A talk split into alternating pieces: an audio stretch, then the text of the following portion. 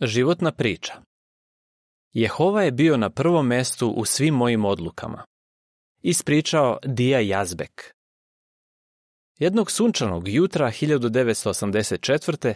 krenuo sam na posao i usput razmišljao o članku koji sam nedavno pročitao u stražarskoj kuli. U njemu smo bili podstaknuti na razmišljanje o tome po čemu nas naše komšije znaju. Tada smo živjeli u velikoj kući u bogatom kraju Karakasa u Venecueli. Posmatrajući okolne kuće, pitao sam se, da li me komšije znaju samo kao uspešnog bankara ili kao Božjeg slugu koji izdržava porodicu radeći u banci? Pretpostavio sam kakav bi bio odgovor i nije mi se svideo. Zato sam odlučio da nešto promenim. Rodio sam se 19. maja 1940. u malom gradu Amion u Libanu. Nekoliko godina kasnije preselili smo se u Tripoli. Odrastao sam u srećnoj porodici u kojoj je vladala ljubav uz roditelje koji su voleli Jehovu. Bio sam najmlađi od petoro dece. Imao sam tri starije sestre i jednog brata. Moji roditelji nisu pridavali preveliku važnost novcu. Najvažnije nam je bilo da proučavamo Bibliju, idemo na sastanke i pomažemo drugima da upoznaju Boga. U našoj skupštini je bilo nekoliko pomazanih hrišćana. Jedan od njih, Michel Abud, vodio je sastanak koji se zvao Studij knjige. On je upoznao istinu u Njujorku i 1921. se vratio u Liban, gde je prvi propovedao dobru vest. Posebno mi je ostalo u sećanju kako je s puno poštovanja pomagao dvema sestrama koje su došle iz škole Galad, En i Gwen Bivor. Njih dve su postale naši dobri prijatelji. Mnogo sam se obradovao kada sam posle više godina sreo N u Sjedinjenim državama. Ubrzo nakon toga sreo sam i Gwen, koja se udala za Wilfreda Guča i zajedno s njim služila u Betelu u Londonu. Služba u Libanu Kad sam bio dečak, u Libanu je bilo malo svedoka, ali revno smo prenosili drugima ono što smo naučili iz Biblije. Iako su nam se pojedini sveštenici protivili, nismo prestali da propovedamo. Još uvek se sećam nekih događaja. Jednog dana, moja sestra Sana i ja svedočili smo stanarima u jednoj zgradi. Neko od njih je pozvao sveštenika koji se odjednom pojavio na spratu na kom smo bili. Počeo je da vređa moju sestru i bio je toliko besan da ju je gurnuo ni stepenice. Zbog toga je bila sva u modricama. Jedan od stanara je pozvao policiju.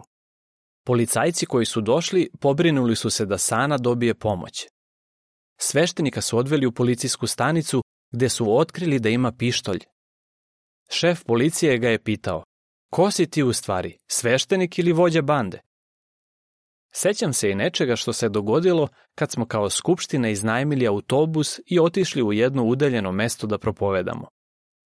Bilo nam je lepo u službi, dok tamošnji sveštenik nije saznao da smo tu i okupio rulju. Vređali su nas i čak gađali kamenjem. Pogodili su mog oca u glavu i sećam se da mu je lice bilo krvavo. Mama i on su brzo otišli do autobusa, a mi smo zabrinuto pošli za njima. Nikada neću zaboraviti ono što je mama rekla dok mu je brisala lice. Jehova, molim te oprosti im. Nisu svesni toga šta rade.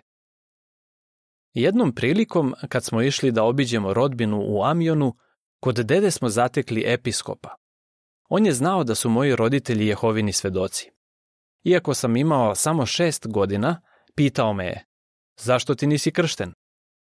Rekao sam mu da sam još mali i da prvo treba da upoznam Bibliju i da imam jaku veru da bih mogao da se krstim.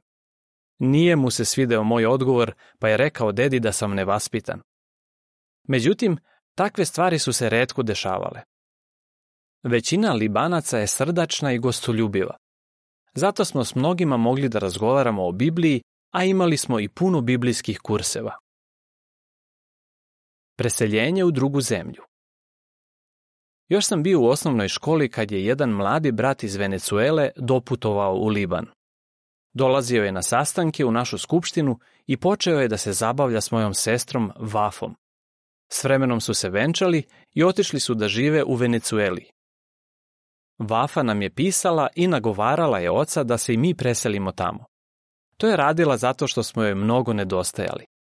Otac ju je na kraju poslušao i odlučio je da se preselimo.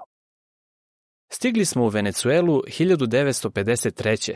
i naselili se u Karakasu blizu predsjedničke palate. Kao i svaki dečak, bio sam oduševljen kad god sam video kako predsjednik prolazi pored naše kuće u limuzini s vozačem. Ali mojim roditeljima nije bilo lako da se naviknu na novu zemlju, drugačiji jezik, kulturu, hranu i klimu. Baš kad su počeli da se navikavaju, doživjeli smo težak udarac.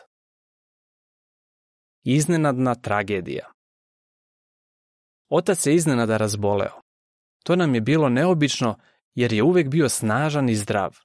Nikad ga nismo vidjeli bolesnog. Tada je otkriveno da ima rak pankreasa i operisan je. Nažalost, umro je posle nedelju dana. To nas je sve slomilo. Imao sam samo 13 godina. Bili smo u šoku i imali smo osjećaj da nam se svet srušio. Neko vreme mama nije mogla da se pomiri s tim da je izgubila muža. Međutim, shvatili smo da život ide dalje i uz Jehovinu pomoć uspeli smo da prebrodimo sve to. Kada sam sa 16 godina završio srednju školu, osjećao sam veliku odgovornost da brinem o svojoj porodici. U međuvremenu se moja sestra Sana udala za Rubena Arauha, koji se vratio u Venecuelu po završetku škole Galad. Njih dvoje su odlučili da se presele u New York. Moja porodica je želela da upišem fakultet.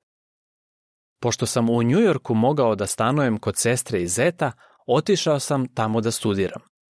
Sana i Ruben su mi mnogo pomogli da se još više približim Jehovi. Osim toga, u našoj skupštini na Španskom u Bruklinu bilo je mnogo zrele braće. Posebno sam cenio Miltona Henšela i Frederika Franca, koji su služili u Betelu. Pri kraju prve godine fakulteta počeo sam da preispitujem svoje ciljeve.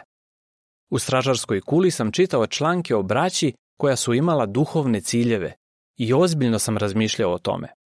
Video sam koliko su pioniri i članovi betelske porodice srećni i želeo sam da budem poput njih, ali najpre je trebalo da se krstim.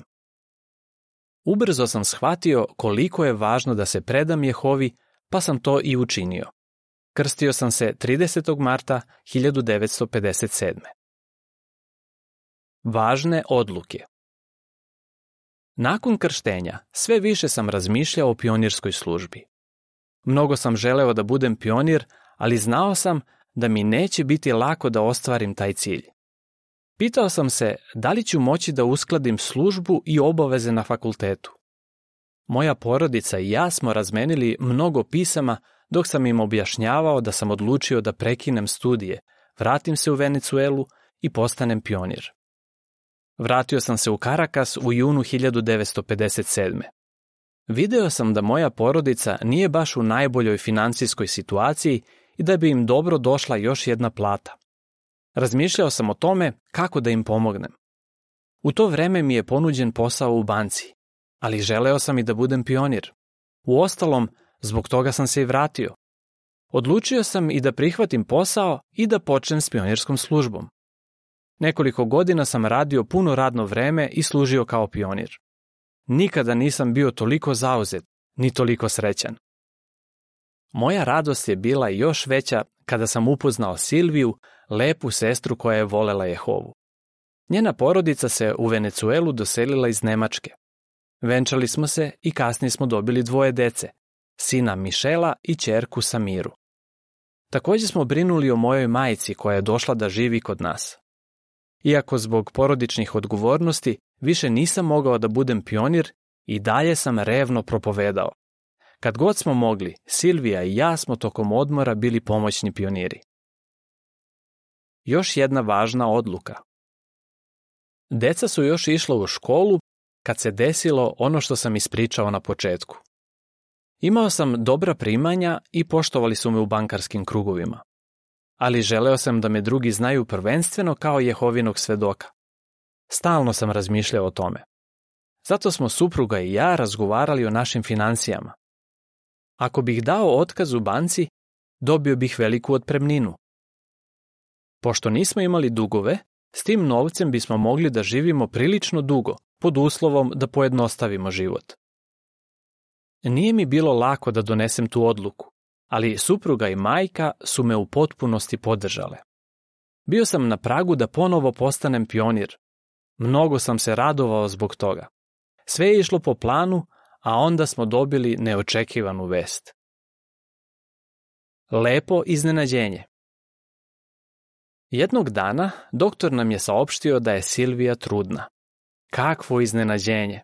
Bili smo mnogo srećni, ali razmišljao sam i o svojoj odluci da postanem pionir. Kako će nove okolnosti uticati na nju?